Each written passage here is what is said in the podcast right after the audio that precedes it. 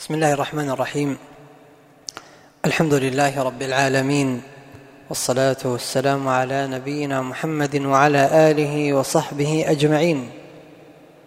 اللهم علمنا ما ينفعنا وانفعنا بما علمتنا وزدنا علما واجعل ذلك كله خالصا لوجهك وأعنا على عملنا بعلمنا.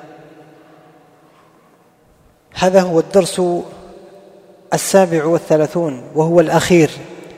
من دروس التعليق على كتاب التوحيد للشيخ محمد بن عبد الوهاب رحمه الله تعالى والكلام فيه على ثلاثة أبواب عقدها المصنف. أولها باب لا يستشفع بالله على خلقه. الاستشفاع طلب الشفاعة وصورة ذلك أن يأتي أحد إلى أحد ويقول له اشفع لي عند فلان. وأما الاستشفاع بالله على أحد من خلقه فكأن يقول يا رب اشفع لي عند فلان. أو كما ورد في الحديث اللهم اشفع لنا عند النبي صلى الله عليه وسلم. وقد ذكر المصنف في الباب أن هذا مما نهى عنه النبي صلى الله عليه وسلم. فقد نهى أن يطلب أحد من الله أن يشفع له عند النبي صلى الله عليه وسلم أو عند غيره. وذلك لأن الأصل أن الذي تطلب منه الشفاعة عند أحد فإنه يطلب من الأدنى أن يشفع عند الأعلى. والله عز وجل أعظم شأنا من أن يشفع لأحد عند أحد من خلقه. لا النبي صلى الله عليه وسلم ولا غير النبي صلى الله ولا غير النبي. وقد ذكر حديث جبير بن مطعم. قال جاء أعرابي إلى النبي صلى الله عليه وسلم فقال يا رسول الله نهكت الأنفس وجاع العيال وهلكت الأموال فاستسق لنا ربك فإنا نستشفع بالله عليك وبك على الله. أما الجملة الأولى نستشفع بالله عليك فهي التي نهى عنها النبي صلى الله عليه وسلم. وقال له ويحك أتدري ما الله؟ إن شأن الله أعظم. فتبين أنه لا يجوز أن يستشفع بالله على أحد من خلقه وذلك لأن الشافع داع وسائل والله عز وجل أجل من ذلك فهو المدعو وهو المسؤول سبحانه وتعالى. وأيضا لأن الشافع لا تجب طاعته والله منزه عن ذلك فالأمر كله بيد الله سبحانه وتعالى. والحديث وإن كان إسناده فيه كلام لأهل العلم إلا ولذلك ضعفه جماعة من العلماء ومنهم البخاري إلا أن معناه صحيحا وقد أجمع عليه أهل السنة كما ذكر بعض أهل العلم. الباب الثاني باب ما جاء في حماية النبي صلى الله عليه وسلم حمى التوحيد وسده طرق الشرك. وقد ذكر المصنف هذا الباب وعقده ليبين أن من الأمور التي عني بها النبي صلى الله عليه وسلم غاية العناية إغلاق كل طريق يوصل بالناس إلى أن يشركوا بالله سبحانه وحرصه صلى الله عليه وسلم على حماية التوحيد وأن يحققه أتباع دينه قولا وفعلا. فإن قال قائل سبق أن عقد المصنف بابا قريبا من هذا وهو باب ما جاء في حماية المصطفى صلى الله عليه وسلم جنب التوحيد. فالجواب أن هذا إما أن يقال أنه من باب التأكيد وإما أن يقال ما ذكره السعدي رحمه الله حينما قال الفرق بين البابين أن الأول في حماية التوحيد بسد الطرق الفعلية وهذا الباب فيه حمايته وسده بالتأدب والتحفظ في الألفاظ. والمراد عموما أن تعلم أن النبي صلى الله عليه وسلم نهى عن الغلو فيه ونهى عن كل لفظ قد يوصل إلى أن يعظم النبي صلى الله عليه وسلم ويرفع فوق, فوق منزلته. وذكر فيه حديث عبد الله بن الشخير قال انطلقت في وفد بني عامر فقلنا يا رسول الله فقلنا أنت سيدنا؟ فقال السيد الله تبارك وتعالى.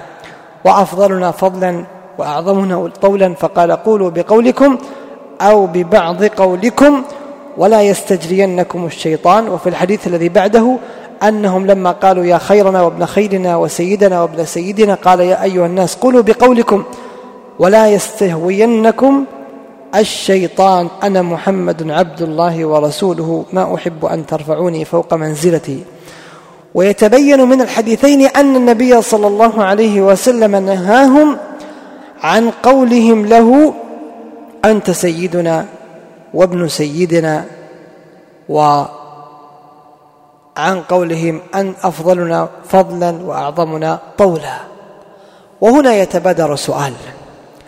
أليس النبي صلى الله عليه وسلم قد قال أنا سيد ولد آدم؟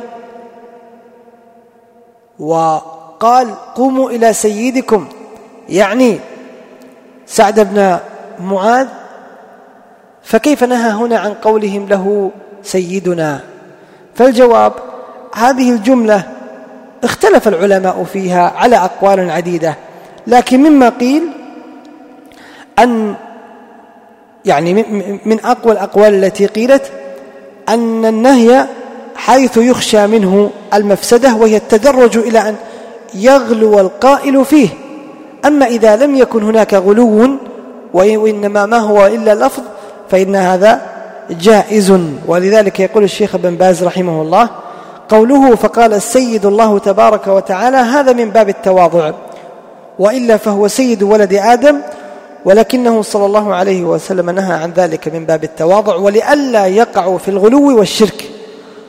وأيضا قول آخر وهو أنه ليس ثمة تعارض وإنما النبي صلى الله عليه وسلم قال قولوا ببعض قولكم ونهاهم أن يستجرهم الشيطان بالغلو مثل أن يقولوا ألفاظ أرفع من هذا أما قول أما قول سيدنا أو سيد بني فلان فهذا جائز بشرط أن يكون المخاطب بذلك أهلا أهلا له. ولذلك قال النبي صلى الله عليه وسلم لا تقولوا للمنافق سيدا فإنه إن يكون سيد فقد أغضبتم الله ورسوله. على كل حال الباب فكرته ومقصوده ألا يغلى بالنبي صلى الله عليه وسلم في بعض الألفاظ التي قد تندرج على اللسان ويقصد بها تعظيمه فلربما تمادى الإنسان باللفظ حتى أطلق ألفاظا فيها رفع للنبي صلى الله عليه وسلم.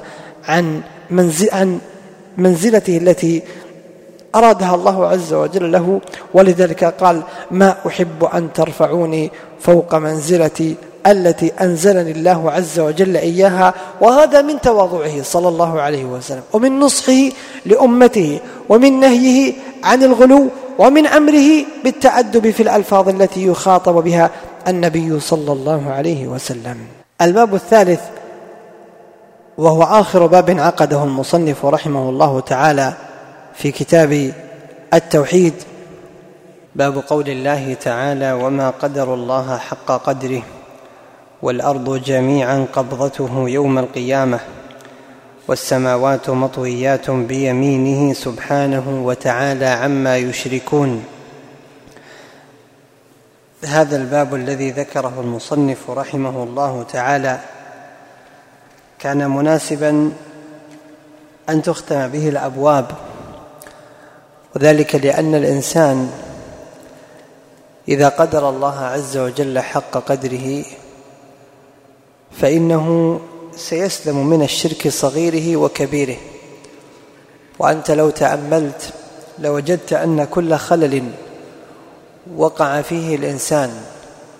في حق الله سبحانه تجاه ربه سبحانه وتعالى فإنما سببه أنه ما قدر الله حق قدره. فالذي نفى صفات الله مثلا ما قدر الله حق قدره والذي عطل الله عن صفاته كذلك. الذي صرف العبادة لغير الله أو الذي أشرك مع الله غيره إنما كان الإشكال فيه في مبدأ الأمر أنه ما قدر الله حق قدره. ولذلك فلزام على طالب العلم وعلى جميع المسلمين عموما أن يتأملوا في آيات العظمة التي يذكرها الله عز وجل في القرآن كثيرا. فإن القلب إذا امتلأ بتعظيم الله سبحانه وتعالى كان ذلك حاديا وداعيا له إلى أن يعبد الله عز وجل على بصيرة.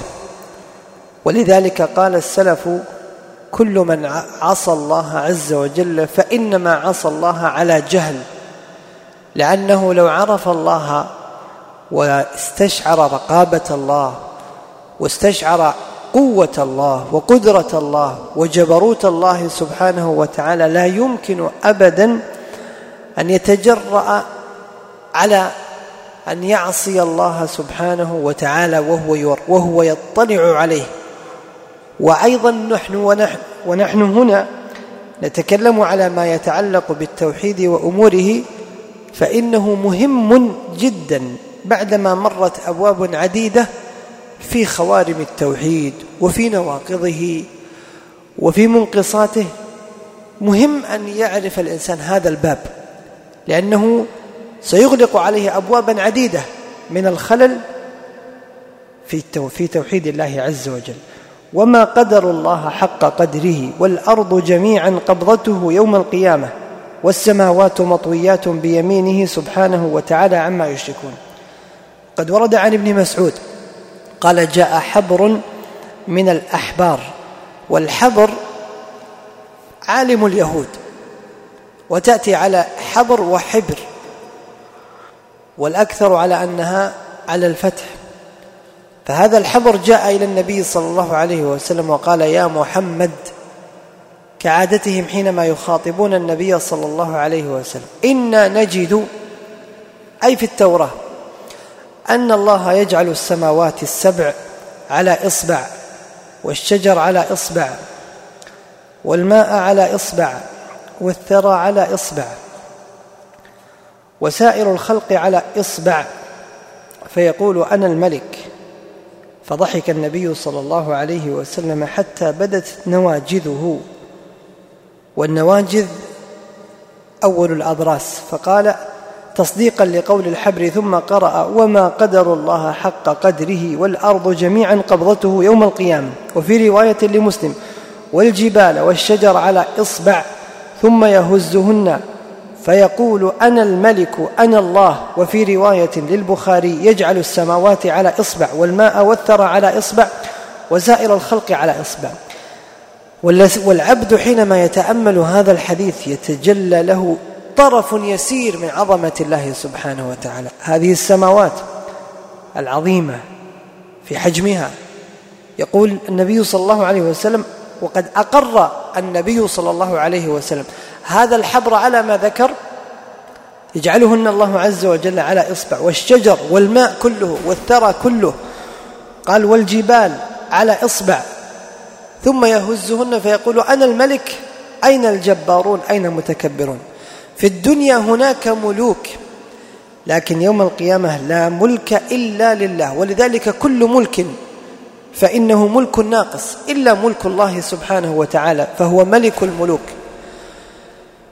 وقد ورد في الحديث عن جابر رضي الله عنه أن النبي صلى الله عليه وسلم أخبر عن شيء من عظمة الملائكة الذين هم خلق من خلق الله.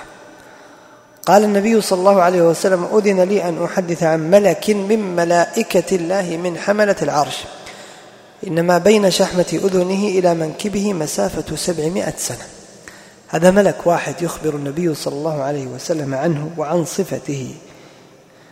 وعن ابن عمر قال النبي صلى الله عليه وسلم يطوي الله السماوات يوم القيامة ثم يأخذهن بيمينه أو بيده اليمنى فيقول أنا الملك أين الجبارون؟ أين المتكبرون؟ ثم يطوي الأراضين السبع ثم يأخذهن بشماله ثم يقول أنا الملك أين الجبارون؟ أين المتكبرون؟ وهذا أيضا أمر آخر. فيه بيان عظمة الله وأن العبد حينما يتأمل هذه السماوات السبع بأكملهن التي سيأتي وصف أو, أو شيء من وصفهن ويهزهن ثم يقول أنا الملك أين الجبارون؟ أين المتكبرون؟ هناك تنتهي الزعامات وينتهي الجبروت ولا يوجد هناك أحد يتكبر بل لا يوجد أحد يرد على الله سبحانه وتعالى ثم يجيب نفسه بنفسه كما في الآية قال لمن الملك اليوم؟ لله الواحد القهار. وروي عن ابن عباس رضي الله عنهما قال ما السماوات السبع والأرضون السبع في كف الرحمن إلا كخردلة في يد أحدكم؟ والخردلة التي يضعها الإنسان في كفه هي شيء يسير. وابن عباس رضي الله عنه هنا يشبه تشبيها للتقريب لا لبيان تمام الأمر وإنما هي يقول بالنسبة لكف الرحمن كخردلة في يد أحدكم. ثم قال وقال ابن جرير يعني في تفسيره حدثني يونس أنبأنا ابن وهب قال قال ابن زيد حدثني أبي. قال رسول الله صلى الله عليه وسلم ما السماوات السبع في الكرسي؟ إلا كدراهم سبعة ألقيت في ترس. يعني نسبة السماوات السبع بالنسبة للكرسي والكرسي كما كما قال ابن عباس موضع القدمين. إلا كدراهم سبعة ألقيت في ترس ترس هذا الذي يتقي به المحارب. لو وضعت فيه سبع دراهم تعتبر شيء صغير بالنسبة له. وقال أبو ذر سمعت النبي صلى الله عليه وسلم يقول ما الكرسي في العرش؟ يعني نسبة الكرسي بالنسبة إلى العرش إلا كحلقة من حديد ألقيت بين فلات من الأرض. الفلات من الأرض الأرض والصحراء الواسعة. لو ألقيت فيها قطعة حديد ماذا تشكل هذه القطعة من هذه الصحراء؟ لا شك أنها تشكل شيئا يسيرا وهذا ما هو إلا تقريب وتقريب لحجم الكرسي بالنسبة لحجم العرش. وعن ابن مسعود رضي الله عنه قال قال رسول الله صلى الله عليه وسلم بين السماء الدنيا والتي تليها خمسمائة عام وبين كل سماء خمسمائة عام. يعني مسافة السماء الدنيا بينها وبين بين السماء الدنيا وبين التي تليها مسافة خمسمائة سنة وبين كل سماء وسماء خمسمائة سنة وبين السماء السابعة والكرسي خمسمائة عام. وبين الكرسي والماء خمسمائة عام والعرش فوق الماء والله فوق العرش لا يخفى عليه شيء من أعمالكم. وعن وعن العباس بن عبد المطلب قال قال رسول الله صلى الله عليه وسلم هل تدرون كم بين السماء والأرض؟ قلنا الله ورسوله أعلم. قال بينهما مسيرة خمسمائة سنة. وبين كل سماء إلى سماء مسيرة خمسمائة سنة. وكثف كل سماء يعني غلظ هذه السماء غير ما بينها وبين السماء الأخرى حجمها وغلظها مسيرة خمسمائة سنة. وبين السماء السابعة والعرش بحر بين أسفله وأعلاه كما بين السماء والأرض. والله فوق ذلك لا يخفى عليه شيء من أعمال بني آدم. وهذا أيضا شيء يبين لك عظمة الله سبحانه وتعالى. الذي يتأمل في مثل هذه الأحاديث وفي هذا الحديث والذي قبله يتبين كم كم هو حقير وكم هو ضعيف أمام قدرة الله سبحانه وتعالى. ابن ما من هو وما هو؟ ماذا يواسي وماذا يوازي أمام عظمه عظمة الله سبحانه وتعالى؟ هذه السماوات السبع التي التي قال النبي صلى الله عليه وسلم ما السماوات السبع في الكرسي إلا كدراهم سبعة ألقيت في أرض فلا ما الكرسي في العرش إلا كحلقة ألقيت في أرض فلا. العرش يقول يقول الله عز وجل وسع كرسيه السماء في الكرسي قال الله عز وجل وسع كرسيه السماوات والأرض. هذه الأشياء تبين لك حقيقتك وضعفك وأنك لا شيء لولا أن الله عز وجل هداك ووفقك. ودلك على الخير. العبد ضعيف لولا أن الله عز وجل أعانه وسدده وهداه ووفقه لهذا الخير. ولذلك حينما يتأمل الإنسان في عظمة الله سبحانه وتعالى فإنه حينها يوحد الله وحينها يتجنب الذنوب والمعاصي قدر إمكانه لأنه يستشعر أسماء الله الحسنى يستشعر صفاته يستشعر عظمة مخلوقات الله سبحانه وتعالى. وهذه المخلوقات العظيمة التي نحن نرى شيئا وطرفا منها أنت حينما تتأملها تتبين لك شيء من عظمة الله. هذا شيء يسير وإلا فالله عز وجل هو العظيم وعظمته كاملة وقوته تامة وقدرته شاملة. وما أحوج الإنسان دائما إلى أن يتذكر هذه الأشياء. لأنها تفيده في إيمانه وتفيده في اعتقاده وتفيده في علاقته مع ربه سبحانه وتعالى. حينما يتكبر الإنسان حينما يتجبر حينما ينظر إلى نفسه نظرة احترام وإعزاز ويدل على على ربه بعمله عليه أن يتذكر أنه أن الله هو الذي وهداه وأن الله هو الذي وفقه. وهذا كله كما سبق أن ذكرناه يدعوك ويحدوك يا طالب العلم ويحدوك يا كل مسلم إلى أن تعظم الله عز وجل وإلى أن تقدر الله حق قدره كما ذكر في أول الباب وما قدر الله حق قدره والأرض جميعا قبضته يوم القيامة والسماوات مطويات بيمينه ثم قال سبحانه وتعالى عما يشركون. وبهذا نكون انتهينا من هذا الكتاب. علقنا عليه تعليقا.